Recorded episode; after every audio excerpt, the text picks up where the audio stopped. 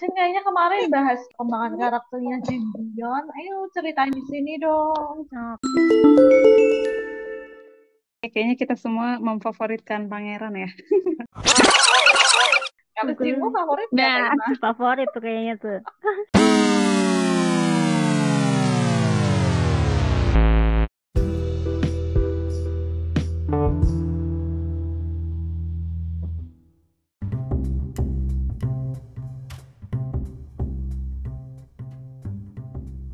Annyeonghaseyo, Cinggudel. Apa kabar teman-teman semua? Ketemu lagi dengan saya Amanda dan teman-teman Drakor Class di podcast.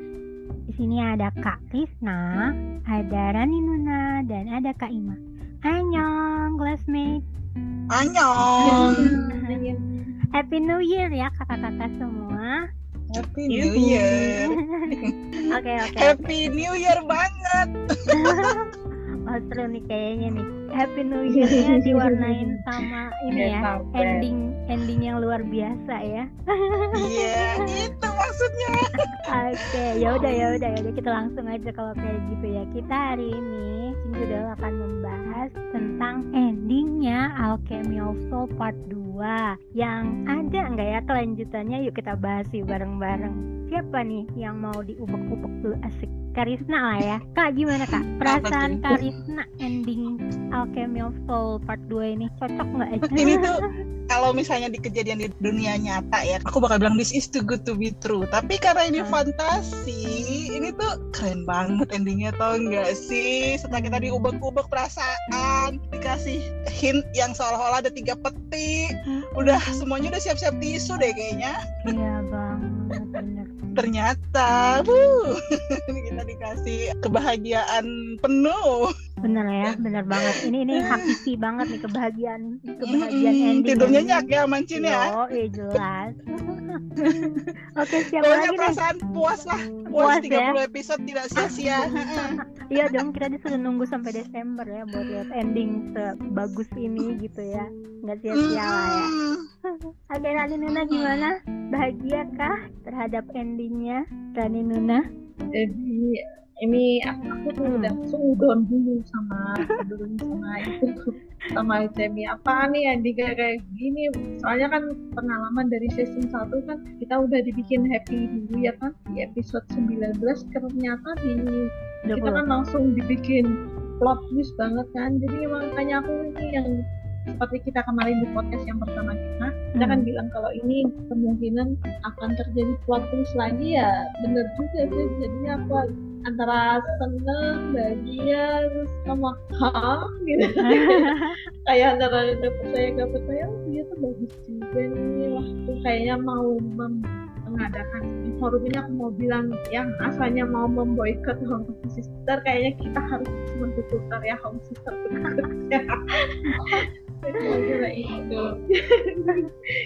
Ayo, Oke oke. Kalau Kaima gimana? Skat Kaima? Aku kan baru nonton ya belakangan setelah kalian semua selesai dan bilang wah endingnya bla bla bla bla gitu. Terus aku juga nonton seperti biasa. Aku lihat dulu nih spoilernya dulu di medsos medsos. Ternyata setelah nonton emang perasaannya tuh lega. Hmm. Jadi setelah nonton episode 9 tuh kan ngeselin ya. Kayak kita tuh udah dijanjikan, oh ini kayaknya udah bakal happy ending nih gitu kan setelah Jinmu itu masuk ke pintu apa tuh Penjara. yang buat ngambil perisainya yang sama Jin Buyon itu kan. Hmm. Habis itu dia udah sekarat banget gitu kan. Hmm. Itu udah udah happy lah. Eh endingnya begitu kan ngeselin banget ya. Terus kayak udah ya kayak kata Mbak Rani tadi udah siap-siap zong gitu. Tapi ternyata ah, pokoknya lega deh. Setelah nonton itu kayak tadinya yang nahan nafas. Hmm. akhirnya bisa ah, lega ya syukurlah gitu aku juga sama sih ngerasain yang namanya kayak dipelintir banget lah ini plot twistnya bagus sih bagus banget ini jago banget lah Home Sister bikinnya yang tadinya kita udah siap-siap mau wah ini bakalan buruk nih gitu tapi ternyata alhamdulillah endingnya sangat memuaskan setuju ya semuanya kirain tuh ya. bakal ada tumbal gitu minimal satu atau dua gitu kan. Iya. Ternyata ya yang ditumbalin yang harusnya menjadi tumbal memang. Iya tuh benar. itu bener banget. Makanya aku bilang pinter yang bikin teaser teasernya juga sebenarnya pinter sih ya. Kita disuguhin yang namanya ah kok ada tiga peti mati? Siapa nih yang mau ditumbalin TVN tapi ternyata tidak ada. Yeay bahagia sekali. Aku mau lanjut ya ke pertanyaan selanjutnya. Gimana nih perkembangan karakter yang paling berkesan buat coba ini dulu? Kebetulan yang kalau mirip sama karisma sih cuma ini kalau karisma nanti pasti bahas yang satunya jadi aku bahas yang ini aja ya aku paling suka perkembangan karakter itu sama ibunya Jin Byung sama ibunya Jin Choyeon alias okay. Wan Jin Wan Jin Okay. Ya dari Ibu Jin. karakter Ibu Jin gak enak banget. dia tuh karakternya tuh dari yang tekuk banget terus yang gak nerimain banget terus berubah menjadi legowo setelah keputusan dari Jin Buyon sendiri. Maksudnya Jin Buyon yang asli ya alias Jin Sokran ya yeah. terus sama diomongin guru juga dia kemudian antara gimana ya gimana. Kemudian dia kayaknya terus berpikir kalau seandainya nggak ada nafsu mungkin juga anak itu juga tubuhnya udah hilang aku mungkin walaupun kita kalau kasih walaupun ini sih kalau kita pikir ya nggak masuk akal ya kan secara itu walaupun dia jiwanya jin soran tapi dia kan dari bayi lahir dari Wan Jin ya kan yeah. kayaknya ya ada di mana cuma aku sih lebih suka endingnya karena Wan Jin udah terima Jin sebagai anaknya juga udah menerima kalau anak dari Choyong bakal jadi pewaris di Allah banyak Karisna kayaknya nggak sabar mau. Karisna udah kita udah tahu ya siapa yang mau bakal dibahas Karisna nih. Karisna, gimana perkembangan karakter favoritnya? Kenapa kalian nggak bahas aja kalau udah tahu? Ya kan biar cinggu yang lain mendengerin ya. Karena kalau dengerin dari podcast kita awal pasti tahu deh siapa yang karakternya paling terasa perubahannya buatku ya. Siapa lagi kalau bukan jereng-jereng? Ayo teman. Pangeran. Iya.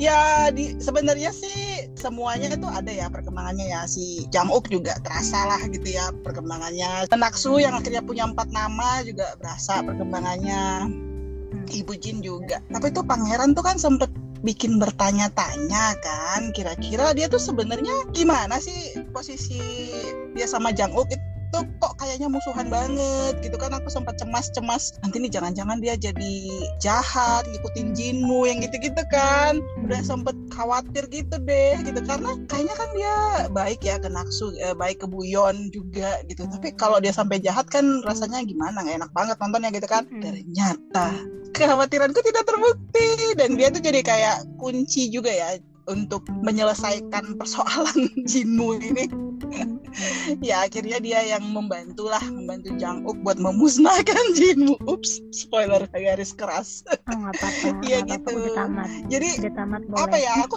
aku suka sih ngelihat ditunjukin kalau dia itu awalnya kayaknya berkompetisi gitu rasanya dengan Janguk ya. Dari awal tuh kayak nganggep itu berkompetisi kan sampai yang dulu kan Mudok tuh yang berusaha ayolah pangeran bantulah yang gitu-gitu kan sempat duel kan sama Janguk kan tuh berdua tuh terus juga belakangan pas dia tahu bahwa Janguk punya bintang kerajaan kan dia juga kayak yang merasa terancam kan. Wah jangan-jangan nih Janguk nih mau ngambil posisi gue nih gitu kan. Tapi dia kayaknya ya mungkin berkat kura-kura juga ya. Dia menemukan jalannya gitu. Aduh, jadi ya seneng aja gitu. Udah gitu yang lucu tuh dia pas curhat sama Buyon which is itu adalah Naksu gitu loh yang dia kan curhat bahwa dia sebenarnya menyukai seorang wanita bla bla bla yang dia menggambarkan itu adalah mudok gitu loh. Kayak yang ya ampun curhat sama orangnya gitu kan. Terus ya lucu aja sih yang menyatakan perasaan itu ya iya ya curhat itu curhat menyatakan perasaan. Terus kayak yang si aduh kayaknya jarang kan kayak gitu orang yang mengakui bahwa wah oh, sebenarnya gue ada suka nih sama perempuan tapi dia begini begini gitu kan. Dia menunjukkan dilema calon raja gitu. gitu ya. Iya. betul. Dia menunjukkan kelemahannya kan di situ kan bahwa dia sebenarnya jatuh hati pada seorang wanita yang punya pria lain di hatinya yang gitu-gitu. Padahal kan sebagai raja mungkin bisa dia bilang hei kau ayo kau adalah wanitaku gitu kali. Emangnya forbidden marriage? Gitu. Iya, gitu. Kayak kali itu. itu itu Nanti berikutnya lanjut. Nanti lanjut. Iya gitu. Yang terakhir sampai terakhir juga dia lucu banget itu yang dia digosipin gara-gara Gay. dia berguru sama Master Lee. Kayaknya semua yang berguru sama Master Lee dicurigai meminum ramuan teh apa Dan- gitu. Danggen ya. Danggen. Iya, yang bikin mereka itulah gitu. Kalian tahu Oke. saja. Semuanya kayaknya lucu ya kan? Yang sama kura-kura Iya. itu yang dia membuang jinmu itu juga kan gara-gara Iya. kura-kura itu dia jadi buang. Lucu aja gitu dia. Alasannya apa? Karena dia membuang kura-kuraku gitu. Hah? Kayak receh banget sih alasannya. Oke, oke. Kak Ima mau nambahin nggak nih perkembangan Hmm. karakter? Iya kayaknya kita semua memfavoritkan pangeran ya. yang akhirnya menjadi raja. Abis ini nonton ini nih. Nonton Enggak. DP nih. Nah, aku udah, aku nggak jangan nanti ilfil loh. Anjing kayaknya kemarin bahas perkembangan karakternya Jin. Ayo ceritain di sini dong. Oke. Nah, iya. Aku tuh suka suka karakter yang disusun buat Jin Buyon karena kan kalau misalnya mau bahas satu orang dia nggak satu orang ya pemainnya ada empat orang ya eh satu dua tiga tiga kalau nggak salah ada tiga orang yang mainnya ada tiga orang satu satu anak kecil dua perempuan dewasa kan. Nah ya tapi kalau misalnya aku lihat dari cara penyusunan karakternya si Jin Buyon ini jadi menarik gitu ternyata emang dia memang sakti pada akhirnya bukan karena dia sakti gitu tapi ternyata tanda kutip ketempelan jin gitu ya jadi yang apa bukan bukan kesaktian dia sendiri tapi ternyata karena kesaktian leluhurnya terus aku mau bahas sih Tempelan leluhur. Iya benar. Aku mau bahas lebih ke pemeran si Naksunya sih, si yang baru ini. Siapa kan namanya tuh kan aku sampai lupa. Go Yunjung. Oh Yunjung ya. Tuh asli kan? Iya, kan awalnya tuh kalau misalnya lihat dia di perawakannya tuh gagah gitu ya. Ternyata memang kalau di detail ceritanya itu si Naksu yang dulu itu badannya eh, sebesar cowok katanya gitu. Tapi aku nggak nggak sih sebenarnya waktu yang berantem awal-awal itu emang sebesar itu ya. Tapi pas aku lihat sih emang Iya, memang kayaknya lebih besar kalau waktu bertarung sama Tuan Pak itu loh. Yang oh, di iya iya iya benar-benar Itu benar. memang kan lebih lebih tinggi Naksu pada waktu itu. Iya ya, benar ya. Hmm, oke. Nah, yang pas terakhir tadi kasih lihat Jin Buyon yang katanya Jin Buyon gitu ya, padahal isinya Naksu itu kita dikasih lihat sosok perempuan yang lugu banget. Itu bagus, bagus banget di situ dia benar-benar yang benar kata Karisna mengingatkan kita kepada anak umur tiga tahun gitu yang benar-benar nggak punya emosi yang gimana banget gitu yang benar-benar polos gitu. Lalu pas tiba-tiba dia akhirnya dapat ingatan sedikit demi sedikit itu mimik wajahnya juga ikut berubah gitu. Di situ sih bagusnya pemeran Naksu menurut aku. Jadi pas saat dia sudah mendapatkan full ingatannya pun dia tuh benar-benar terlihat seperti ah, nggak bandingin sama Jung So Min sih. Tapi memang ekspresinya mimik wajahnya ya seperti itu gitu.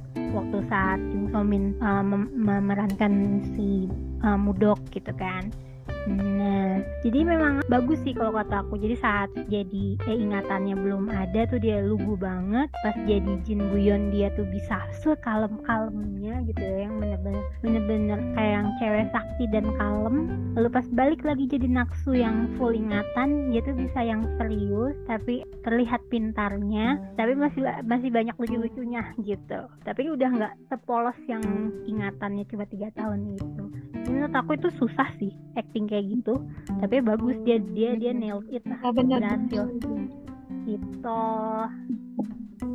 Saima Aku juga gimana? pas waktu dia ingatannya udah full itu kayak kerasa banget sih perbedaannya yang tadinya ceria-ceria ketawa ketiwi gitu kan. Terus langsung jadi apa ya bener-bener kayak orang yang depresi setelah ingatannya balik gitu. Terus dia Mm-mm. ya aku jadi inget sama Mudok waktu dia meranin karakter kayak gitu gitu. Kayak oh iya nih bener banget nih kayak gini gitu.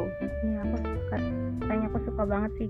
Awalnya kan kita sempet ini ya sanksi gitu. Ini bisa nggak sih ini karena kan memang benar-benar pemain, Pemain muda. baru gitu iya. Iya. jadi itu itu kan si Go Yunjungnya kan awalnya juga sempet banyak yang yang selain meragukan gitu ya. Terus udah gitu dicari-cari kelemahannya gitu loh sampai dibagiin oplas lah apalah gitu. Kayaknya orang-orang kurang kerjaan banget sih kadang-kadang. Iya, iya kan, butuh Jadi mental kuat. pertama kan ag- agak diragukan gitu. Terus pas dia berhasil membuktikan membuat banyak penonton jatuh hati dengan cara dia berperan gitu ya dicari-cari lah dibilangin kok dia terlalu cantik? Ini oplas pasti nih gitu. Ya ampun udah kek. Terima Iya, aja ya kan harus harus Iya. dengerin podcast kita nih kayaknya. iya eh, maksud aku sebenarnya gini ya mau mereka mau plus mau enggak gitu ya kita kan lihatnya kan actingnya ya gitu. Kalau mereka bisa deliver karakter mereka gitu kan ya udah itu aja gitu nggak usah dipikirin lah mereka mau gimana di belakangnya gitu ya. Kan malahan sekarang tapi ya udah habis itu nih udah dia berhasil melalui prahara eh, tuduhan oplas eh, banyak yang nge-ship dong pengen beneran mereka jadian dong sama Lee Jae-wook aduh netizen mah ada-ada aja lah pokoknya Oke, gitu oke. tapi keren sih emang sama si Bang Yunjung ya Yun juga Kenapa. Uyun? Kenapa Uyun? Bang Minyun bentar lagi kan ganti ini ganti Oni dia Siapa? oh ada yang mau main drama kan sama Kim So Hyun bukan Oh, Bang Minyun Aku belum tahu. wah kalian belum tahu nanti kita Siapa sama siapa? cari info So Min. sama Kim So Hyun Oh, yang yang cewek, cewek, ya. Kim So Hyun yang cewek Heeh.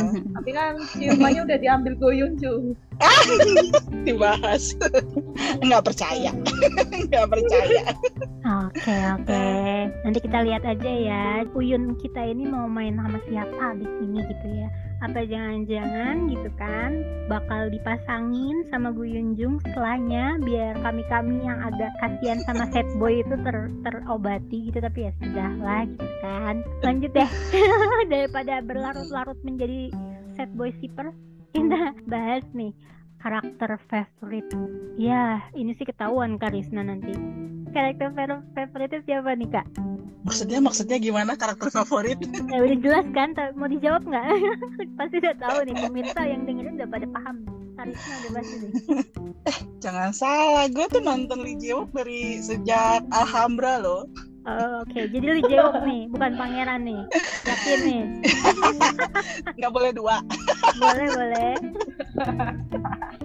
ya gini jadi ya gue nonton Academy of Soul ini kan gara-gara kalian kan. Kalian bilang oh ini bagus gitu. Tapi ada faktor Lee Jae-wooknya juga dan Jung So Min kan gitu ya. Terus tapi waktu nonton gue jadi ketemu sama si pangeran. Malah si sad boy gue nggak begitu notice ya walaupun mirip sama Cha Eun gitu. Tapi lucu sih tiap kali pangeran muncul tuh banyak yang lucunya itu loh. Kalau Iya, si Lee bener. Jae-wook kan selalu entrance-nya selalu yang jreng-jreng gitu kan. Iya ya. kalau dia banyak seriusnya Heeh. Sundere Hmm. kayaknya lebih Hmm. Sundere itu pangeran gitu daripada itunya daripada Sunderenya dia ke shaman doang, ke, ke si Go Yunjung doang dia mah sunderenya. ke Naksu doang dia sunderenya. Ke yang lain dia sombong juga lah. Hmm, bener. Jadi pangeran nih, Lee Jae-wook. Bungkus lah yang mana aja boleh. Oke, Nani Nuna. kalau aku jelas karakter favoritnya jelas Jin Buyeon lah dia kan paling sakti dia di situ dia ngalahin itu loh walaupun harus dibantu Jang Oh tapi kan dia yang bisa membangkitkan Waju ya si burung Oh phoenix iya benar. Betul, betul, betul. Paling sakti ya. paling sakti aku paling suka yang paling sakti Oke, oke, oke. Berarti Buyon ya. Kalau Kak Ima gimana Kak Ima? Aku karakter favorit. Kayaknya banyak ya. Oh banyak favoritnya bisa satu banyak. ya. Oke. iya. Kayak pangeran oke, Naksu oke, Naksu sama dengan Jin Buyeon sama dengan Sepaket lah siapa ya. lagi sih dia? suka semua Mudok ya. sama dengan Jin Soran.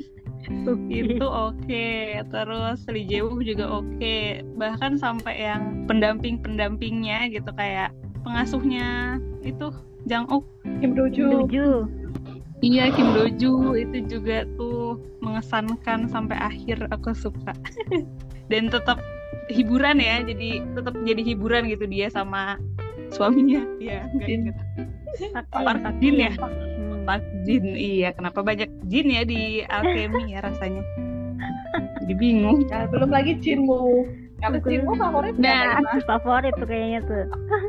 favorit akhirnya die dah beres Aku yang belum ya. Aku ya nggak bisa lah. Pasti udah pasti Jang lah.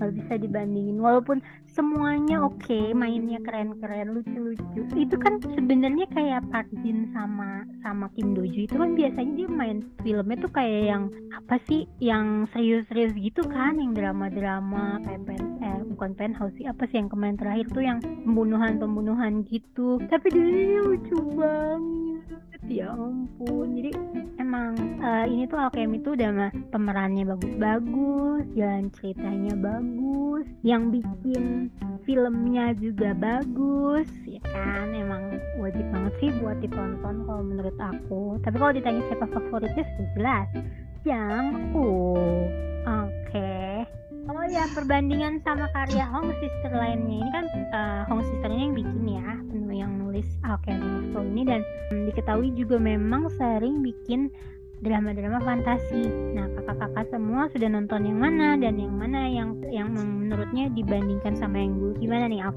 Soul? Sebutin dong dulu. apa aja nih dramanya. apa aja Ya, Dramanya, oke. 2010 Kita mulai ya. dari 2010 nih. My Girlfriend is a Gumiho. 2013 ada The Master Sun. Lalu 2017 ada Korean Odyssey. Dan 2019 nih aku nonton nih Hotel de Luna dan yang sekarang kita baru selesai tonton Alchemy of Souls. Nah kakak-kakak yang mana udah tonton nih dan perbandingannya gimana Aku sama nonton Alchemy? semua loh. Oh, nah itu Keren. yang nonton semua duluan kalau gitu Aku gak nyangka loh kalau itu semua karya. Padahal di podcast kemarin aku nggak tahu ya, aku nggak riset. Ternyata setelah Kak Arisma bilang, gue itu aku nonton semua loh sampai ending-endingnya juga ya. Ada sebelum, katakan sebelum Alchemy ini ya, di antara Hmm. My Girlfriend, Master Sun, Korean Odyssey sama Hotel del Luna itu kan mengangkat aktor aktris terbaik ya. Tapi hmm. menurut Hmm. aku di ending yang paling smooth itu malah di Master Sun. Master Sun itu kan cerita tentang arwah yang orang Hmm. yang setengah mati tapi dia sebetulnya belum jatahnya mati gitu loh. Terus waktu hidup dia bisa lihat setan lagi. nah itu ending paling tuh itu cuma karakter yang paling kuat itu di Hotel del Luna yang dibawain itu. Kalau sementara Korean Korean Odyssey itu agak-agak gimana ya bener-bener fantasi gitu loh nggak dimasuk akal. Tapi menurutku yang paling endingnya paling smooth paling bagus dan paling bikin roller coaster ya memang Alzheimer ini. Kayaknya aku harus berkangen deh sama Sister oke. Keren keren. Betul lah. aku Dan cuma yang nonton nonton- Master Sun kayaknya Oke. Hmm, aku Gimana? tambah sama My Girlfriend is a Gumiho. Di tahun Gimana 2010 kayaknya itu drama favorit aku deh. Bagus ya. Kayak itu nonton itu berulang-ulang capek deh. Tapi aku nggak tahu loh kalau itu dramanya drama Home Sister gitu ya.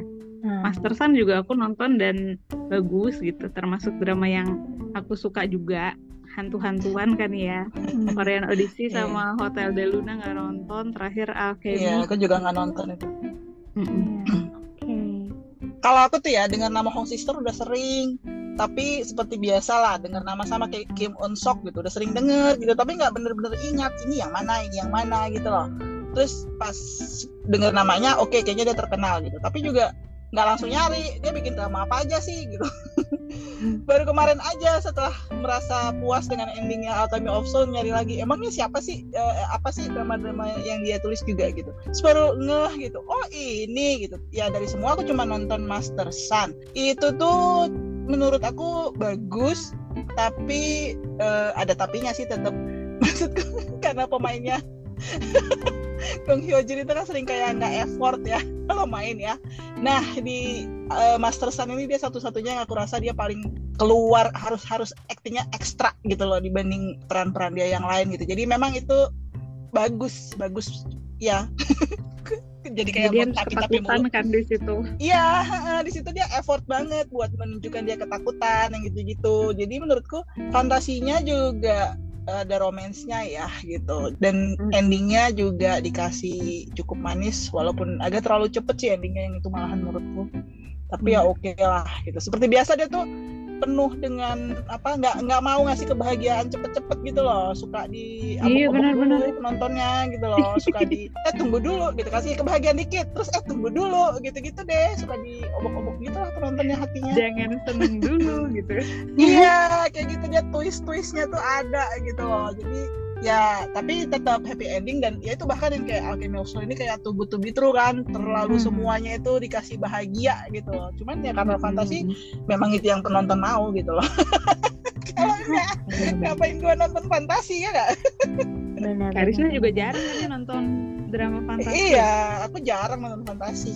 Ini tuh ya itu gue bilang mungkin gara-gara faktor Lee Jae-wook dan Studio Dragon dan kalian. Hahaha.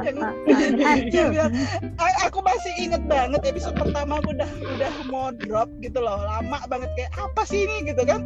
Lama banget sih ceritanya gitu. Terus kalian kadang mengencourage ayo skip skip aja yang episode pertama gitu. Langsung aja ke 30 menit gitu kan. Baru akhirnya akhirnya tapi sekarang setelah selesai nonton lagi gue depannya gitulah kadang-kadang emang awal-awalnya tuh ya gimana hal gitu penting ya. kan buat dilewatkan Mm-mm. tapi malah mengandung kunci biasanya Betul sekali. Emang bagus banget sih ya kalau misalnya eh, dilanjutin gimana nih Kak? Jadi season 3 gitu? Setuju atau no? Yay? No. no No. No. Oke. no Kenapa nih no? Aku cukup aja deh. Cukup aja. cukup lah mau diapain lagi sih Jangan Jangan baca diobrak-abrik berita Lintir lagi nanti. iya Tadi ada berita cukup itu loh, gara-gara pangeran sama Yun Up, pemer- apa, para netizen minta season 3, jadi gue gak mau nonton lah kalau Yun Up yang diangkat, males banget. bikin bikin spin off aja bikin spin off nggak usah Ya, nggak usah benar. season 3 spin off aja Benar, benar. Siapa yang mau diangkat kalau spin off? Uyul. pangeran Iya. masing-masing Dia tuh udah dikasih happy ending tapi masih kurang gitu ya. Kayak Iya. ya belum menemukan cinta sejati Cila.